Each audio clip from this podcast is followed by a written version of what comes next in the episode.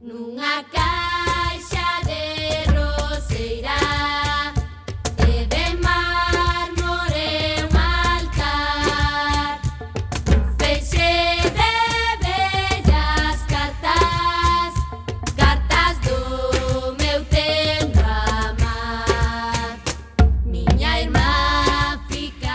Moi boa tarde, recendeiras e recendeiros, benvidas e benvidos a este espazo radiofónico semanal dedicado á cultura que facemos en rigurosísimo directo un martes máis, aquí, como sempre, ás 7 da tarde, na 103.4, xa sabes que esa é a frecuencia da Coac FM, a radio comunitaria da Coruña.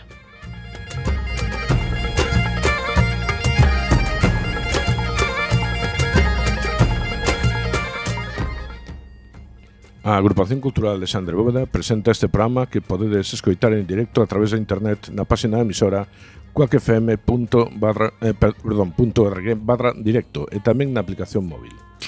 E, eh, como sempre, se non chegastes a tempo, se non nos estades escoitando en directo a través da FM ou de coacfm.org barra directo, tamén podes escoitalo na redifusión que será os mércores ás 8 da mañá, os venres ás 4 da tarde, na madrugada do domingo ao luns ás 12 da noite e, por suposto, no servicio de podcast da nosa emisora ou en calquera aplicación que usedes para escoitar os vosos podcasts. E a partir de agora seguidenos nas redes sociais, tanto este programa recendo como da propia agrupación cultural de Sandra Bóveda, que teñen abertas as súas canles en Instagram, Twitter e Facebook ou na web www.acealexandrabóveda.gal.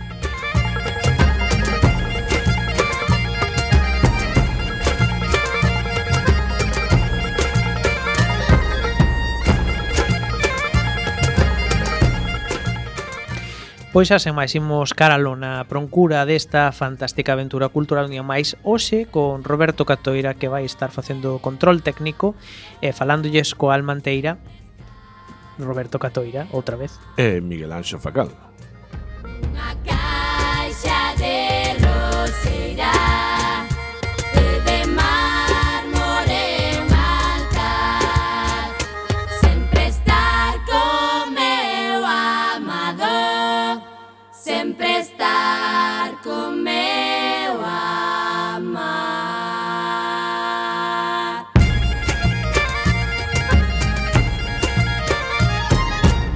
Oxe é o 2 de maio, este é o noso programa número 434. Oxe Teremos como convidado a Ramón Nicolás, eminente escritor e crítico literario que nos falará sobre a figura de Francisco Fernández del Riego, homenaxeado do Día das Letras Galegas deste ano. Celebraremos así, por tanto, este programa especial dedicado ás letras galegas. Falaremos das actividades da nosa agrupación, un martes máis, como sempre, e das outras cousas que se fan na Coruña e na Galiza, e que tamén son cultura, como sempre dicimos. En canto a música de hoxe, tampouco nos matamos a eh, devanarnos a cabeza con grandes referencias culturais. Francisco Fernández del Riego naceu en Vilanova de Lourenzá e nesa mesma vila da Mariña Lucense tamén o fixo o grupo Escornabois, que naquela segunda metade dos anos 90 publicou varios discos interesantes. No ano 98 publicou un disco co mesmo título que o nome do grupo. Presentamos a primeira peza de hoxe, dese disco, titulada Non finxamos máis.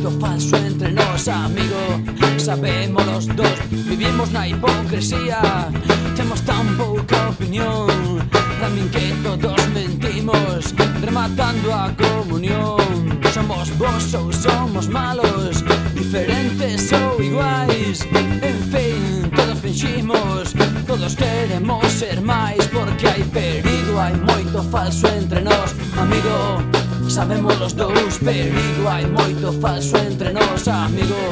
Sabemos os dous xente rica e ben vestida. E que van de radicais Con tal de verseles ben Que se fodan os demais Porque eu só pido coherencia Outra forma de actuar. Amigos en coherente Co que dice, co que faz E non andes predicando Todo iso non se fai Por unha morea de cartón som był bajek, są pilot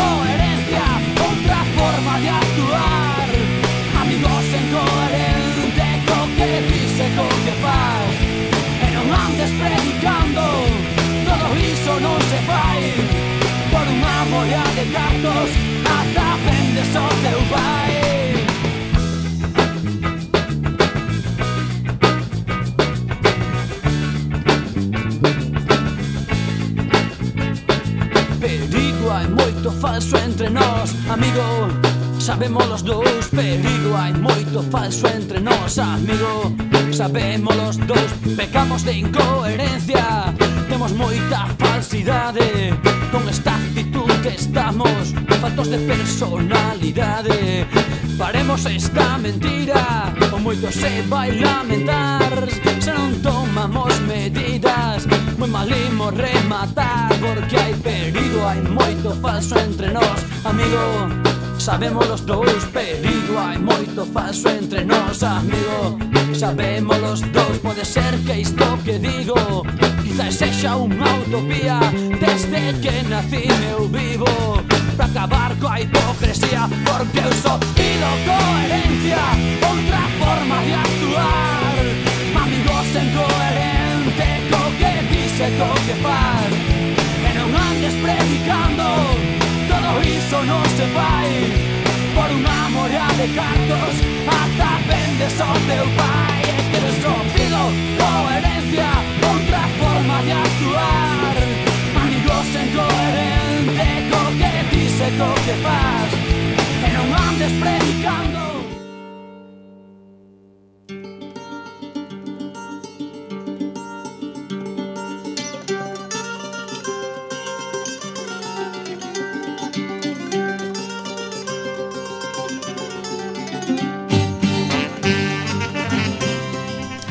Pois antes de falar de Francisco Fernández del Riego, imos como sempre coas axendas e comezamos coas da nosa asociación.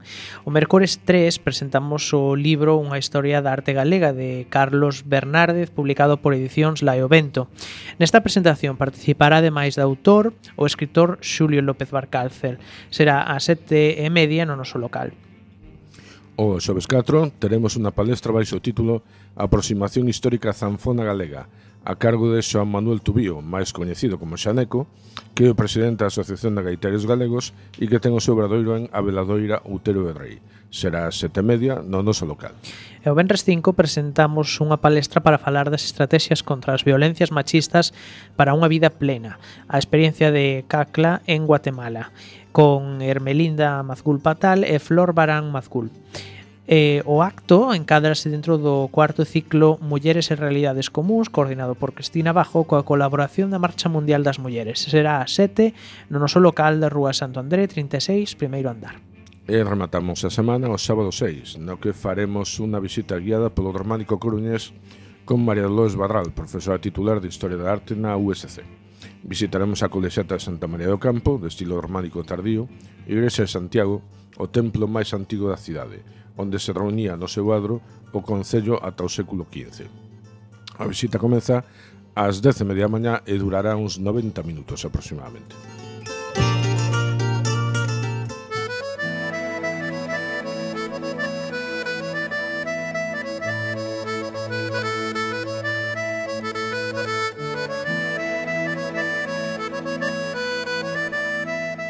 Tempo agora para a xenda audiovisual, a xenda da Coruña, comezamos eh, por audiovisual, porque o CEGAI oferta unha variada oferta esta semana onde destacan as proxeccións de varias das películas da prestixiosa directora belga Chantal Arkeman.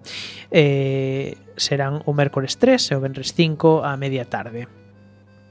Como creo que sabedes, por aquí proxectase unha cousa chamada documental do mes que nesta ocasión é de produción polaca titulada The Pound Shop, conta, que conta unha emotiva historia chea dun humor tolo e extraño que mostra como os propietarios dunha casa de empeños loitan para sobrevivir mentras axudan as persoas que máis o necesitan.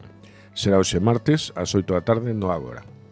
En canto, Art, en canto a artes escénicas, temos un montón de cousas. Esta semana temos dúas citas do Festival Corfest 2023 que tratan de temáticas LGTBIQ, eh, LGTBIQ+, eh, o xoves 4 Alberto Velo e Diego Chamizo presentan a obra Menudo Día e o Benres 5 Andrea Quinta, Quintana e eh, Genava Monde escenifican metodoloxías carroñeiras para corpos investidos. As súas as dúas obras eran no agora ás 8 e media.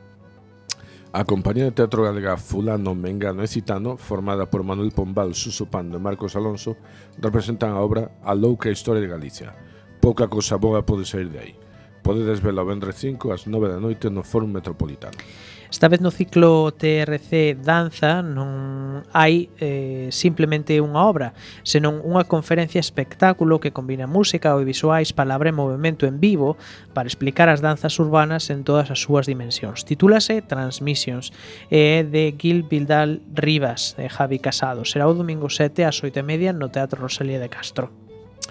A terceira edición do Encontro Mundial de Humorismo comezou a semana pasada e remata nesta. Os eventos serán na sede da Fundación no Teatro Colón en Palesco e poderes ver a persoeiros como Marta Doviro, Carmen Méndez, Leicia Sola, Osvaldo Digón e o músico Luis Tinaquero, Carolina Iglesias, Pantomima Full, Luis Pedraíta, Ana Morgade, Eva Soriano, Leo Harlem ou Silvia Abril. Remata o vindeiro domingo 7 de maio.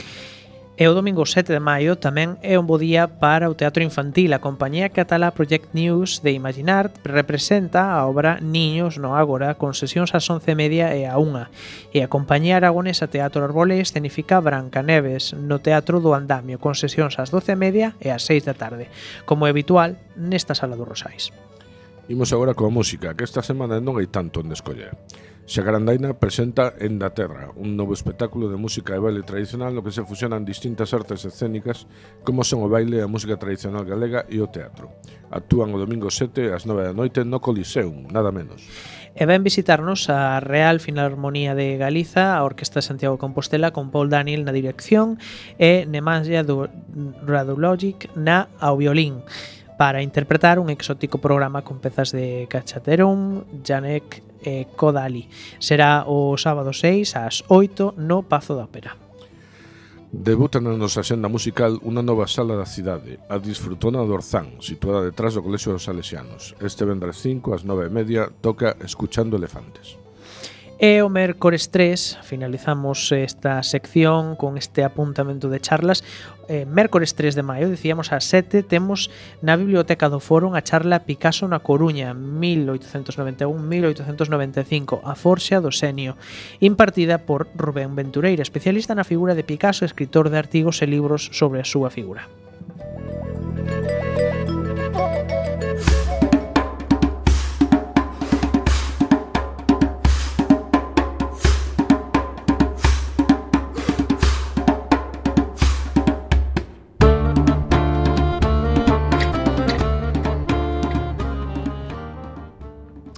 e chegamos á terceira e última parte das axendas, ahora cando eh, revisamos as axendas do país de toda Galicia, comezando por Ferrol. Ainda que xa non están na primeira liña como hai 20 anos, o grupo leonés Café Quijano segue co seu rol latino na xira Manhattan Tour, que pasa o sábado 6 ás 8 e media da tarde polo Auditorio Municipal de Ferrol. Redondo é un espectáculo para a primeira infancia que xoga coas formas. A compañía coruñesa Caramuxo Teatro é a encargada de poñelo en escena con Juan Rodríguez como único actor. Estarán o 7, o domingo 7, ás 6 e media no Auditorio eh, Gustavo Freire de Lugo. En Vigo eh, temos a Belén Taxes. Belén Taxes é unha cantante galega nada en Bos Aires que ademais é compositora especialista en musicoterapia. Nesta nova etapa co Belén Taxes Trío inspírase no folclore tradicional das dúas beiras do Atlántico. Tocan os xoves 4 ás 9 media noite na fábrica de chocolate. E se o xoves 4 estades en Pontevedra ou ides ir, Do silencio á emoción é un ciclo de concertos que invitan a escoitar a música clásica dende un punto de vista diferente. Neste concerto poderase disfrutar da estrea de Anrewerna, a obertura dedicada á Camerata Arben do compositor Rubén Martínez Varelles, ademais da Sinfonía número 1 de Mahler en versión de cámara de Ian Farrington, baixo a dirección do mestre David Fiuza, como dicíamos, os xoves 4 ás 8 e media na sede da Fundación de Pontevedra eh, na capital, en Santiago, o violinista Nemanja Jan Radulovich volve despois de moitos anos coa Real Filarmonía Galicia para tocar o virtuoso concerto para violín de Caxaturian, dirixidos polo insigne Paul Daniel. O sea, algo parecido que tamén vai facer en Coruña e suponemos que en máis sitios. Toca no concerto titulado Sons do Leste, os xoves 4 ás 8 media da tarde no Auditorio de Galicia. E hoxe tocaba a min o chimpa ourense porque, ademais, seguen de festa que teñen certo costume polo que se ve. Nesta ocasión son os Maios, festa de interese turístico. Hai moitos eventos, pero destaca a exposición de Maios na Alameda do Concello, domingo 7, a partir das 10 da mañá. E como todas as semanas rematamos cunha vila convidada Que normalmente é outra vila galega Donde nos parece que hai algo interesante Pero esta vez decidimos ir máis alá E imos ata Pobo de Barsin Seguro que xa nos oístes falar nas últimas semanas de Un hotel de primeira sobre o río, a última montaxe do Centro Dramático Galego baseada nunha obra de Xoana Torres. Pois tamén vai ir de xira por Portugal. Poderán vela este sábado 6 ás 9 e media da noite no Cine Teatro Gadret da Póboa de Barsen.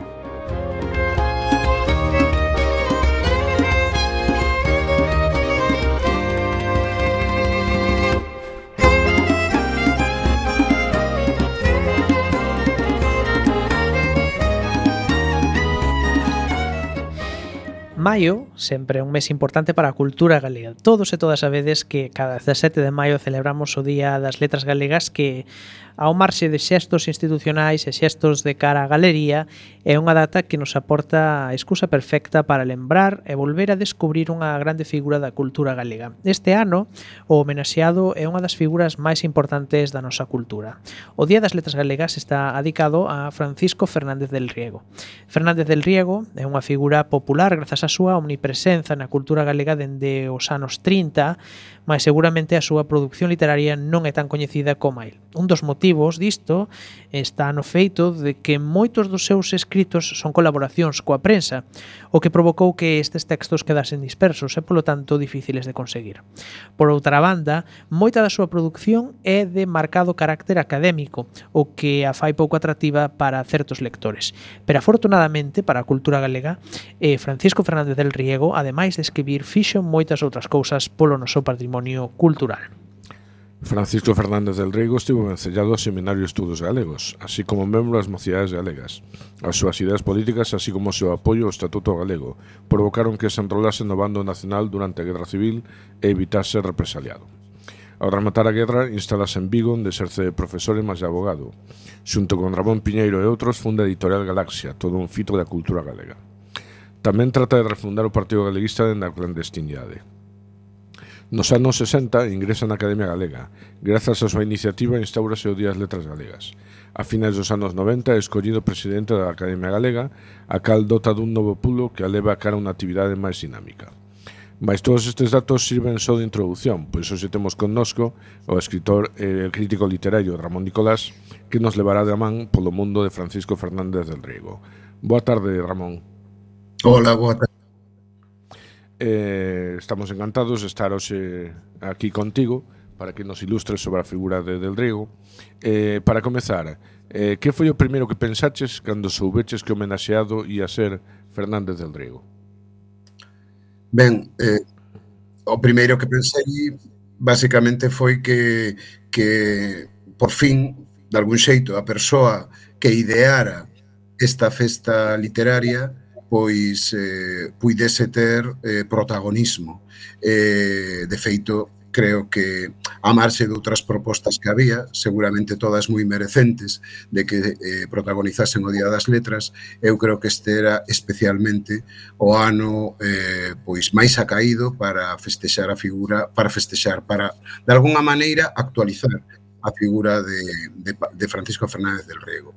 Eh, isto logo tivo outra consecuencia que foi o, o, a realización desa monografía que foi unha, unha encarga unha demanda de edición xerais, pero, bueno, en primeiro lugar, o que eu eh, sentín foi inmensa alegría Eh, por que dis que este ano era un moi bo ano para esta celebración e non outro? Ben, de alguna maneira porque coincide eh, o ano 1963 foi cando se votou a andar o Día das Letras Galegas eh, o ano 1963 foi tamén cando se creou eh, eh, a, en, en Vigo a Fundación Penzol e a Biblioteca Penzol que el de alguna maneira, bueno, que el non de alguna maneira, senón que dirixiu ata prácticamente poucos días antes da súa morte. Eh, e cando bota a andar a revista Grial, na que tamén el foi codirector con Ramón Piñeiro, e un ano especialmente mm, vizoso no que a fest a, a, a efemérides se, se refire. Tamén, de feito, por exemplo, no ano 1963 é cando, se, cando bota andar Edicións do Castro, eh, editorial que tamén acolleu moitos dos libros de, de Paco del Riego e da que realmente pouco se fala este ano, pero que cumpriría tamén lembrar o papel fundamental que desenvolveu na cultura galega dos últimos 60 anos. Eh, queríamos preguntarte, ti que coñeces ben a súa figura, sí. eh, cal era a intención de Del Riego cando promoveu esta iniciativa das letras galegas e si eh, crees que actualmente, 60 anos despois, sigue sendo máis ou menos fiel a ese espírito por eh, redondealo. El estaría contento de como Bueno, é certo que tamén viu eh, viviu durante 40 anos coa festa, o sea que puido experimentar perfectamente se si a cousa iba como el lle gustaba ou non. Efectivamente. Bueno, a ver, eh, a, a idea da celebración dun día dunha exaltación do libro galego a través do, dun, dun autora ou dun autor, na realidade é unha idea que el xa eh, expuxo nun artigo en El Pueblo Gallego no ano 1933 titulado por unha diada do libro galego, unha cousa así, é un nome moi catalán, pero de feito Don Paco na época da República era unha persoa moi atenta á política catalá e ás realidades culturais eh, eh estruturais do povo catalán. Non? Entón, dito isto, cando el chega á Academia, que no ano 60, de alguna maneira o que persegue é eh, plasmar esa idea a través pois da, da posta en marcha dun día, é dicir, da celebración dun día eh, eh, que de algún xeito con uns criterios moi concretos que pasasen dez anos desde o falecemento dese autor ou autora que tivese certa obra de certo peso eh, eh, en lingua galega, por suposto. E, eh, bueno, e é cando votan andar pois, no ano 1963 dedicado a Rosalía eh, que é unha maneira, sobre todo nestes primeiros anos eh, da celebración e no franquismo de algún xeito de ir asomando a orella o que é a cultura galega.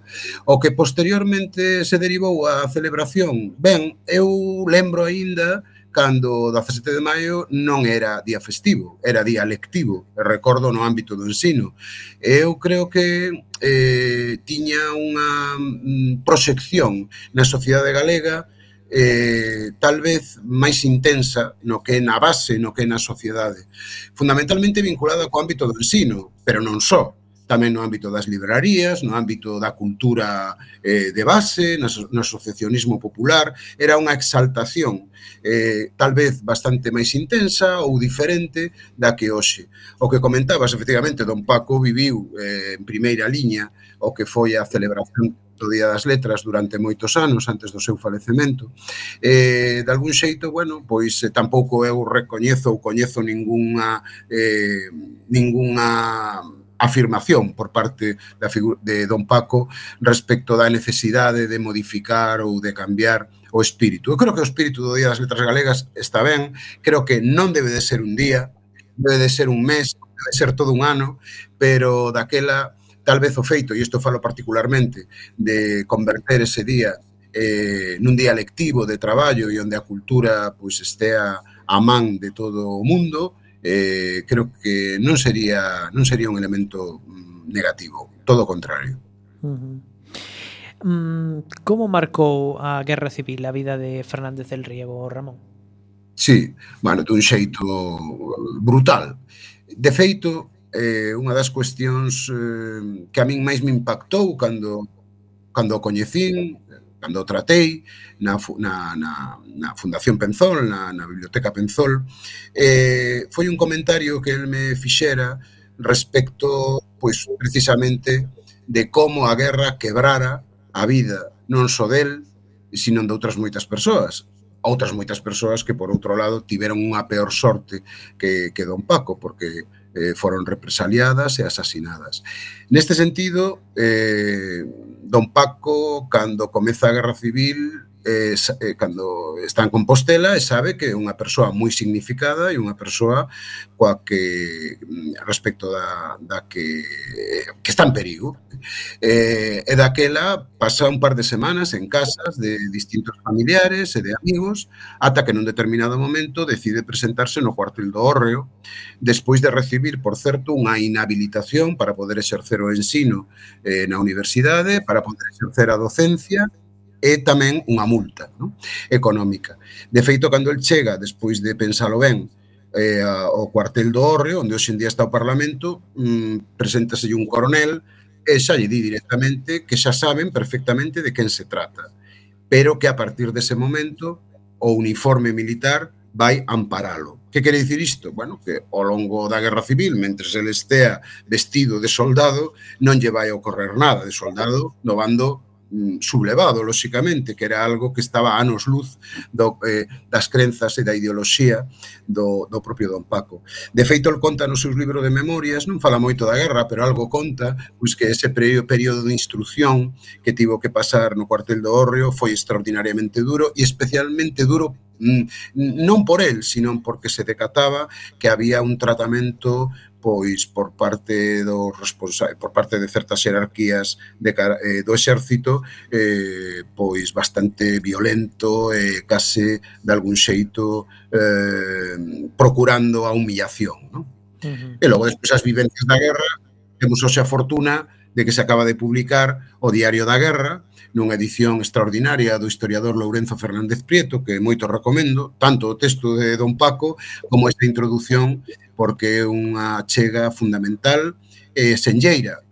Trátase do único diario de guerra existente que eu coñeza por parte dunha persoa que fixo a guerra no bando eh, sublevado e que está en lingua galega e que, aínda que non fala moito das realidades da guerra en sí, si fala das súas lecturas e despréndese un estado de ánimo eh, pois moi abatido, lóxicamente. Creo que é unha das grandes achegas dos inéditos que, que podemos gozar este ano grazas a, a, ao protagonismo del do Día das Galinas. Mm. Eh, Ramón, acabas de mencionar, acabas de comentar que o bando sublevado, bueno, pues as ideas sí. políticas do bando sublevado estaban lonxe das súas, non? Eh, debeu ser duro, eh, bueno, pois alistarse no, no bando nacional, mm. te que crees? Sí, eu creo que foi unha solución eh, de eh, sobre, a última, de derradeira solución que el puido, pola que el puido optar, na medida en que incorporarse ao bando sublevado estaba efectivamente nas antípodas do seu pensamento republicano, e progresista e nacionalista, pero eh, probablemente era a única maneira de salvagardar a súa integridade persoal, por un lado, e e con certeza a integridade persoal da súa familia, dunha extensa familia, por outro lado, que vivía en Santiago de Compostela, seu pai, súa nai e os seus dez irmáns, once irmáns. Entón, daquela, eu creo que el, de algún xeito, se viu obrigado eh, case mm, en última instancia pois por poder salvagardar a súa integridade persoal e a dos seus. E, bueno, eu non foi un caso único, quero decir, Celso Emilio Ferreiro foi exactamente o mesmo, Ramón Piñeiro foi exactamente o mesmo, todas as persoas que pertencían ás mocedades galeguistas e que estaban vivindo en Galicia nese momento non tiveron opción de poder pasar o bando republicano, é dicir, a guerra colleu nos onde os colleu e se non se incorporaban como xente nova que era a, o, o servizo militar, eran persoas que ian ser automáticamente perseguidas. E o exemplo do que aconteceu con Bóveda, con Ángel Casal, eh, con Isaac Díaz eh, Baliño, etcétera, estaba aí, é dicir, era, fora unha, era unha realidade eh, permanente. Uh -huh. Ainda así, eh, o medo non puido con el, eh, sabemos que traballou mm. na clandestinidade refundando o Partido Galeguista. Como mm. foron estes anos de actividade clandestina, Ramón? Sí, el, el cando, cando eh, acaba a guerra, sabedes que volve a Santiago de Compostela, pero segue estando en perigo. De feito, hai algúns amigos que lle din, bueno, ten cuidado, non vayas por aí, que hai uns falanxistas esperando e tal. Entón decide marchar a unha cidade onde de alguna maneira se poida mover con máis discreción que foi a cidade de Vigo. Neste sentido, en Vigo comeza un proceso de reconstrucción de carácter persoal, traballando no que pode, colaborador de múltiples proxectos de carácter de revistas de moi variado carácter e dando clases, que estou moi curioso porque el estaba inhabilitado para a docencia e traballou eh, dando clases nunha academia, Academia Sigma, no Colexio Labor e no Colexio Mezquita. Como? Pois ocultando o seu segundo apelido, del Riego. Francisco é un nome máis ou menos común, Fernández é un apelido tamén bastante común, e de alguna maneira así e ocultando esa eh, real inhabilitación que el tiña eh, para poder exercer a docencia. E é aí cando comeza a mm, conseguir certa estabilidade económica cando xa se pon directamente ao servizo do país. En que sentido? Pois no proceso de reconstrucción a clandestinidade do Partido Galeguista, algo que comeza en Vigo, da man de Enrique Peinador, Mm, eh, e da man de Gómez Román, que estaban aquí vivindo nos anos 40 na cidade de Vigo, cos que el establece certa relación eh, de cara a ese proceso de reconstrucción do Partido Galeguista, algo que, aínda que se intentou, non puido levarse a cabo. Pero o proceso real ven da man fundamentalmente da figura de Don Paco e como tal hai que recoñecerlle pois, a valentía que tivo, valentía que incluso o leva no ano 1948 a estar ingresado durante un mes no cárcere de Vigo, no que é actual eh, o marco, pois acusado de liderar unha unión liberal de intelectuales, cousa falsa, pero, bueno, en fin, era unha persoa que aínda logo en Vigo estaba moi, moi seriamente controlada por parte das forzas policiais e do réxime. Eh, imos seguir falando da súa actividade política porque porque ten unha biografía ben curiosa nese aspecto. Sí. Tendo en conta o que se xogou a vida nos seus primeiros anos de vida, coincindo coa Guerra Civil, o seu marcado carácter galeguista que era coñecido por todos, eh, tivo unha actividade política durante boa parte da súa vida, pero nos últimos anos afastouse un pouco dela. Cales poderon mm. ser os motivos deste afastamento? Sí, a ver, en la realidade os dous partidos nos, aos que el pertenceu, ou tal vez tres, foron o Partido Galeguista na época da República as mocedades galeguistas, nas que ademais tivo un papel como secretario xeral e desenvolveu tamén papéis de responsabilidade na Federación de Mocedades Galeguistas, que vai abandonar porque yo pide Alexandre Bóveda por volta do ano 35 para que el colabore no seo do Partido Galeguista na campaña do Estatuto da Autonomía e nos mítins de carácter político, porque non se podía ter esa dobre militancia pertencer ás bases ou de alguna maneira a xuventude do Partido Galeguista que non era tal porque tiñan independencia, de feito ideolóxicamente era as mocedades galeguistas eran moito máis arrechadas, era un grupo político eh, no seo do cal inclu, en, mesmo había sectores independentistas. Non? E logo, despois desta, dese proceso de reconstrucción do Partido Galeguista do que falamos, eh, Don Paco, no ano 1963, incorpórase o segundo partido no que realmente tivo un carné, tivo militancia, que foi militancia na clandestinidade, que foi o PSG, o Partido Socialista Galego. Eh, efectivamente, cando chega bueno, cando nos achegamos á época desa mal chamada transición, pois no ano 1977 el eh, preséntase a unha candidatura conxunta, eh, a candidatura nos, eh, para o Senado, na que está tamén o Partido Socialista Galego, non sa elixido, tampouco creo que fose a súa intención, pero pouco despois xa realmente dase de baixa no partido eh, desde finais dos anos 70, non participa en primeira liña, non milita en ningún partido político. As razóns, eu creo que de alguna maneira están derivadas ver, de certo desencanto que para el eh, se produciu no momento da mm, da, da, da, do réxime, é dicir, a, a partir da morte de Franco. Eu creo que as súas expectativas sobre Galicia e sobre a autonomía tal vez fosen outras e mm, realmente perdeu interese en seguir militando. El sempre estivo na primeira fila do galeguismo ou do nacionalismo, pero a partir de finais dos anos 70 eh, non participa. Si hai un feito un tanto extraño que el mesmo nin se explica moi ben, que é o da realidade galega, que é un grupo de, de intelectuais eh, que queren facer unha plataforma de carácter galeguista, sen intención partidaria, na que lle piden a él a súa asignatura, el colabora, pero logo, bueno, de alguna maneira non vía aquilo nada claro, e de feito nun dos seus libros de memorias eh, sinala que non é que se arrepinta, pero que de alguna maneira non acabou nunca de entender que era aquilo. Non? E aí acaba o que é a súa militancia de carácter político. Insisto, eu creo que a partir de finais dos anos 70 e unha das eh, abandona a militancia no, no, no partido cofundado tamén por Beiras e de algún xeito eu creo que por desencanto da realidade que se atopa na, na man chamada esta transición democrática. Uh -huh é moi difícil poñerse nestos escenarios de política ficción e non sabemos que mm. sucedería actualmente, pero como aínda eh, estaba vivo, pois hai 20 anos ou algo así, cando xa mm. estaban empezando a pasar cousas que agora tal, eh, ti crees que era mm, eh, era crítico cos partidos galeguistas ou de esquerdas o que lle gustaba como estaba evolucionando o panorama político? Ben, bueno, el mm, aínda que na realidade no ano 1950 cando bota andar Galaxia hai unha tríade que, que é de algún xeito a que impulsa a editorial Galaxia, que está Xaime Couto, Ramón Piñeiro e Maisel, respecto da, do piñeirismo e la, el, ainda que tratou durante toda a súa vida e con cordialidade evidentemente a figura de Ramón Piñeiro el sempre se manifestou eh, bastante distante da filosofía piñeirista. Eh, na medida en que el non apostou pola presenza do galeguismo nos partidos políticos estatais, senón que eh, coa súa milita coa militancia que antes aludín no Partido Socialista Galego, el eh, apostaba por unha eh, por entidades políticas propias, non? sen ningún tipo de vinculación con outras entidades de carácter estatal.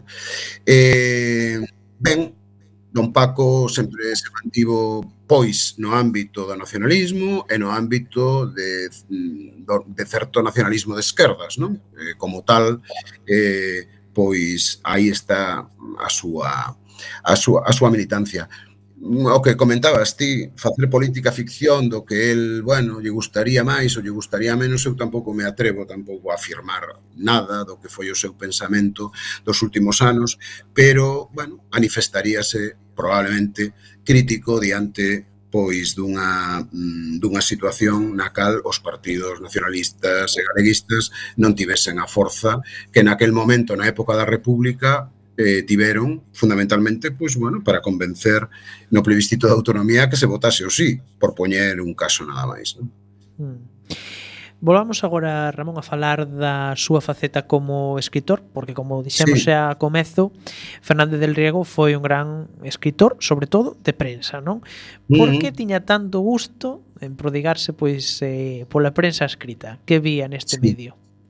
Si gustoume moito na introdución que fixera de referencia a iso, eh, na medida en que eu tras facer a monografía que me pediron, que ademais, bueno, era un reto porque tiña que reducir a figura de Don Paco a cento e pico páxinas, houve unha fase que foi a de eh, Don Paco como colaborador da, na prensa republicana que non é que tratara lixeiramente, sino que na realidade non podía estenderme como eu quixera, na medida en que eu creo que esa fase é absolutamente eh, inigualable. Quero decir, a figura de Don Paco primeiramente está comprometida, como, como sinalou ante Roberto tamén na súa introdución, cos seminarios dos galegos, Partido Galeguista, Mocedas Galeguistas, Ultreia, colabora no Obradoiro de Ángel Casal, da editorial Nós, e está a fronte de múltiples homenaxes, que se fai a galeguistas na época e no Estatuto de Autonomía, por só citar algúns elementos. E logo despois Esta figura de estudante de Dereito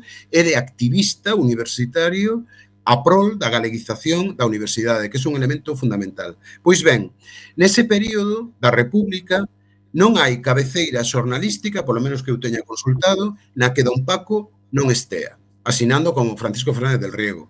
Está en Guieiro, está na nosa terra, está en el pueblo gallego, en Alento, en xornais do, da emigración a Fouce ou a Galicia de sociedades galegas eh, da Argentina, etc. etc.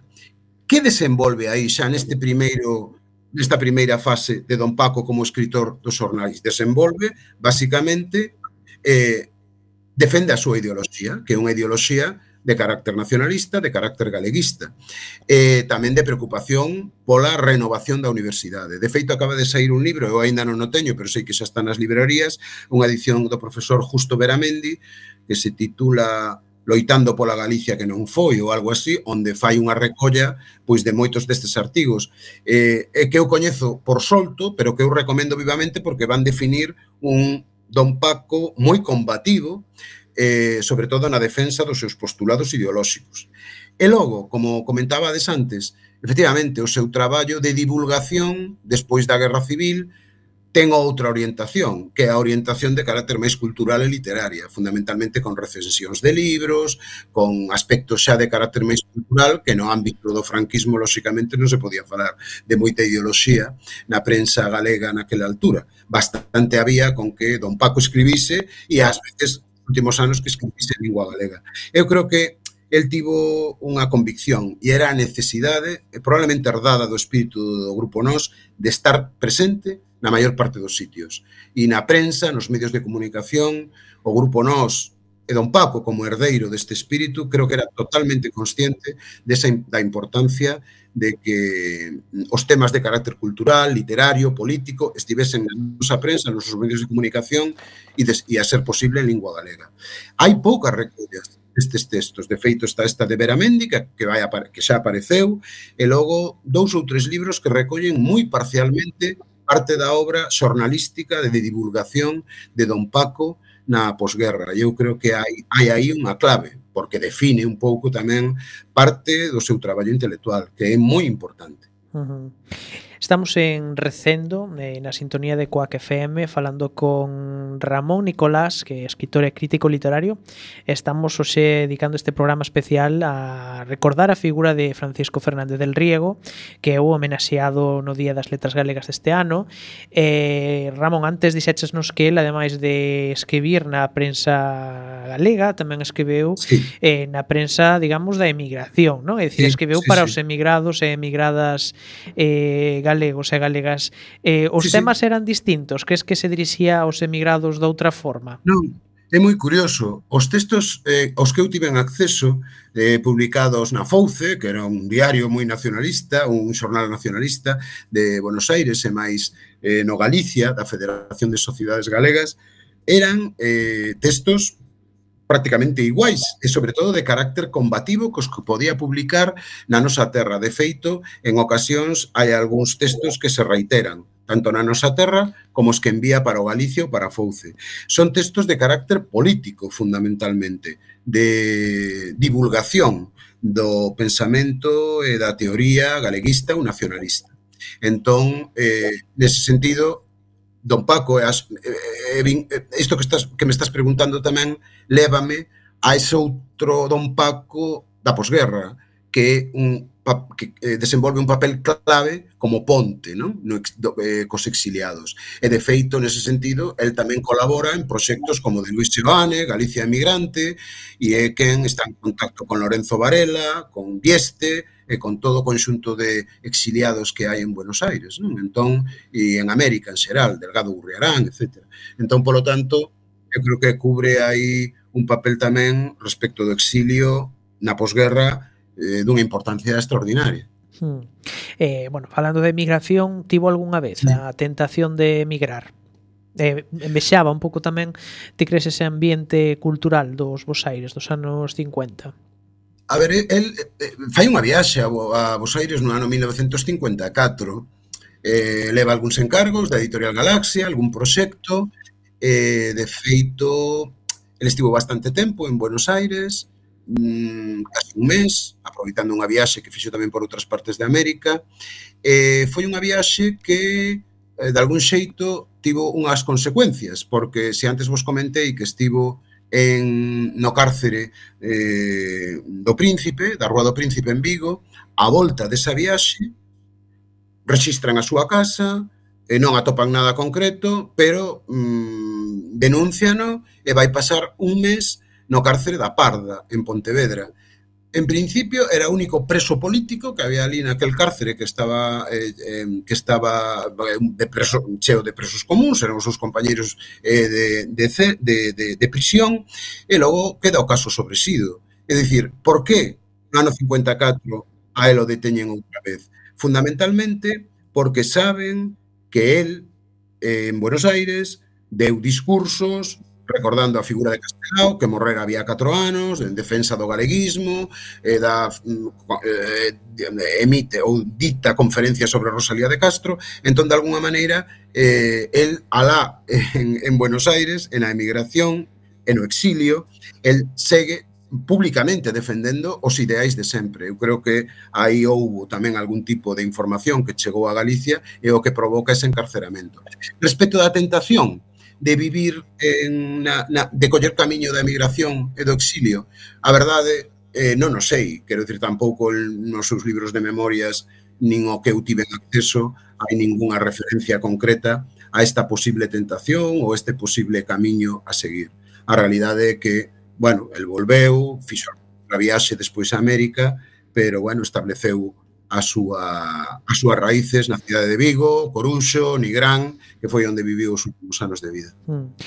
Ramón, xa dixeches que el escribiu en un montón de medios, sobre todo prensa mm. escrita, non? Um, hai algún proxecto para compilar todos estes textos?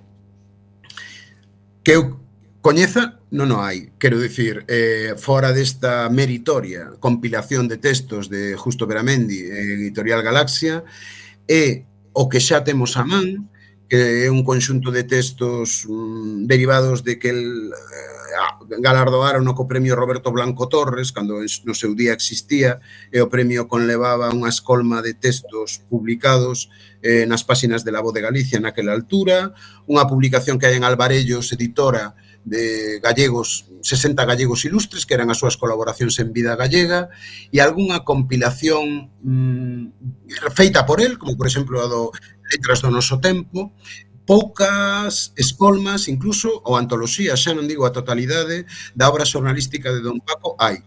De feito, eh, se me permitides, eh, o proceso mediante o cal eu empecé a tratalo no ano 1990 foi unha compilación de textos xornalísticos que eu aquel ano procurei na hemeroteca do Faro de Vigo co obxectivo de procurar textos de Don Paco en lingua galega, atopei bastantes no período 49-64 e ese traballo que ven do ano 1990 que eu presentara un galardón que non foi premiado pero eu sempre digo que o meu premio foi tratar e coñecer a Don Paco segue inédito. Quero dicir, mesmo eh, no, por parte de ningunha editorial galega houve interese por dalo a coñecer, lamentablemente. Entón, vamos, digo cho ademais, eu digo bolo desde o punto de vista de carácter persoal que parece que esa claro, habería volumes e volumes que recoller, a súa obra é de carácter oceánica, pero eu creo que unha escolma da súa produción xornalística, eh, sei que vai haber algún agora do 17 de maio que preparou Xesús Fraga, dos textos que publicou nos últimos anos na Voz de Galicia, pero que eu saiba non hai outro proxecto en marcha o que é unha lástima. Pois este, este era o ano, este era o ano para Era o ano, era o ano, para efectivamente. a ver se si, a ver se si chega alguén a tempo. Oxalá, oxalá. Eh, falando neste mundo oceánico de Fernández del Riego, eh, hai que falar da Editorial Galaxia. Eh, claro. Debe ser moi difícil de imaginar eh, como se pode crear unha editorial galega durante o franquismo ou dándolle a volta que lle estaba pasando o franquismo para que no ano 50 permitira eso, porque ademais eh, a Guerra Civil rematara dez anos antes, en mm. Galicia a Guerra Civil o bando sublevado foi tremendamente contundente co, co bando nacionalista e galeguista. Como, como permitiron vale. eso? Que pasou? Sí, a min a min é moi difícil de imaginalo tamén. Quero dicir, hai unha cousa real que se produce cando hai unha imposibilidade na reconstrucción do Partido Galeguista. Hai unha imposibilidade de seguir loitando políticamente na clandestinidade, coas ferramentas e coas persoas que había. Entón, daquela, hai aí unha especie de precedente da presenza da lingua galega en medios de comunicación que é no suplemento do xornal La Noche, do vespertino compostelán, que de feito clausuran moi pronto cando lle dedican un número a Castelao e xa en xullo, en xullo dese mesmo ano do 50 é cando se constitúe unha empresa, unha empresa de carácter cultural, que é Galaxia, que ademais se crea co accionariado de moitísimas persoas. Para min é algo realmente milagroso as cousas como son, porque en pleno franquismo no ano 50 botar a andar unha editorial cuxa filosofía é a edición de libros en lingua galega, aínda que tamén se editaron en castelán polas circunstancias que se daban, eu creo que é algo extraordinariamente relevante e que compra agradecer sobre todo o traballo de Don Paco, a, e a actividade de Piñeiro e máis de Xaimilla Couto como o, as tres forzas eh, de alguna maneira motrices de todo este de todo esta editorial. Pero bueno, sábese porque é así que a figura de Don Paco era eh, o responsable, a persoa máis activa, el buscaba os textos que chegaban manuscritos, el encargábase do proceso de edición, el incluso vixiaba todo o proceso eh, da, da edición en papel e logo facía os paquetes para leválos a correos, os distribuidores, etc, etc, etc. Entón, daquela, eu creo que eh, en Galaxia, bueno, pois eh, a figura de Don Paco é extraordinaria, todo o que fan en Galaxia por honrar a, mi, a memoria dun dos seus fundadores e principais responsables, eu creo que é pouco. E sabes se lle causou algún problema coas autoridades? El que xa tiña expediente de abondo E que... Sí, bueno, basicamente no ano 54, despois desa viaxe que fai a Buenos Aires, na que leva tamén algunhas encargas para solicitar tamén, bueno, por parte dos exiliados eh, do mundo da emigración, algunhas axudas económicas para libros concretos que quería eh, levar a cabo a Editorial Galaxia, de alguna maneira tamén se pode entender que o ser un pouco a cabeza visible da Editorial Galaxia estivese no obxectivo de moita, de decir, da represión do réxime e esa eh, eh detención que se en 1954 tamén ten consecuencias en Galaxia porque el, ao sair do cárcere, abandona o posto de a responsabilidade que nese momento tiña porque se quere votar un pouco atrás. El non quere que mm, esa detención provoque algún problema para a Editorial Galaxia. Logo, reincorporase outra vez, non? Pero, en fin, eu creo que era eh, poñerse en primeiro plano, non? da, das posibilidades de, de represión ou, cando menos, pois de, de, de estar seguindo o que les facían. Mm. Outra das eh, grandes figuras do galeguismo e da cultura galega era o seu amigo Ramón Piñeiro. Eh, mm. Ramón, queremos saber se tiñan discrepancias eh, sobre as súas ideas de como debía de ser o galeguismo e tamén Parecenos que Del Riego pois non acadou tanto recoñecemento como Piñeiro e queremos saber a túa opinión. Crees que isto é certo? Discrepancias hainas, quero decir, eu comentei no antes, eh, no proceso de Galaxia son tres figuras fundamentais as que a botan andar, eh, de feito en Galaxia o director literario, nos primeiros tempos foi a figura de, de Piñeiro, non hai que esquecer que Don Paco xunto con Piñeiro a partir do ano 63 ata 88 van codirixir a, edito, a, a revista Grial, que é outro dos feitos importantes que se produce, revista que felizmente aínda se segue a publicar, revista de carácter cultural, e creo que relevante aínda hoxe en día. Entón, Eh, respecto das discrepancias, discrepancias de carácter ideolóxico, eu creo que debería habelas. Compre tamén recoñecer que a figura de Piñeiro ven das mocedades galeguistas, é dicir, non ven do Partido Galeguista. Eles xa se coñecían de antes da guerra. Evidentemente que a filosofía política no ámbito da reconstrucción do Partido Galeguista eh, sufriu unha tamén Piñeiro, que foi detido no ano 47. Agora ben, eh, posteriormente, esa filosofía do piñeirismo, da integración, eh, das forzas políticas galegas, noutras forzas de índole estatal para galeguizalas, eu, como dixen antes, creo que non era a filosofía eh, e o pensamento de Don Paco. Entón, nese sentido, é de supor que sí, que habería discrepancias, pero que eu creo que levaron sempre con moita cordialidade. Uh -huh. Eh, falábamos antes fora de micros que esta hora de radio Ramos se nos ia pasar rapidísimamente e a verdade mm. é que eu creo que concordarás con nós en que é verdade porque eh, estamos chegando ao fin do programa. Eh, pois sí. antes de rematar, o que sí que nos gustaría eh, preguntarche era que, bueno, el así moi brevemente el eh, chegou a, a presidente da Academia, non? Que sí. cousas crees que mudaron e que el creía que a Academia, por cal era o camiño que tiña que seguir a Academia? Mm.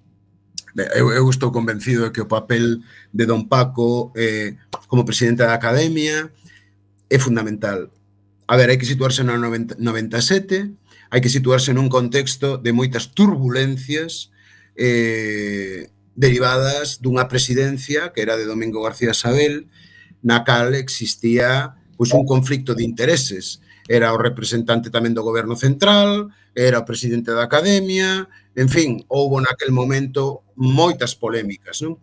Entón, daquela, cando remata o período de García Sabel como presidente da academia, eh, buscan, procuran, no seo da propia academia, unha figura de consenso. E Don Paco era unha figura de consenso, sempre o foi, de diálogo. E el, aínda eh, octoxenario, acepta esa responsabilidade, aínda que no primeiro momento di que vai aceptar unha única, un único mandato de 4 anos.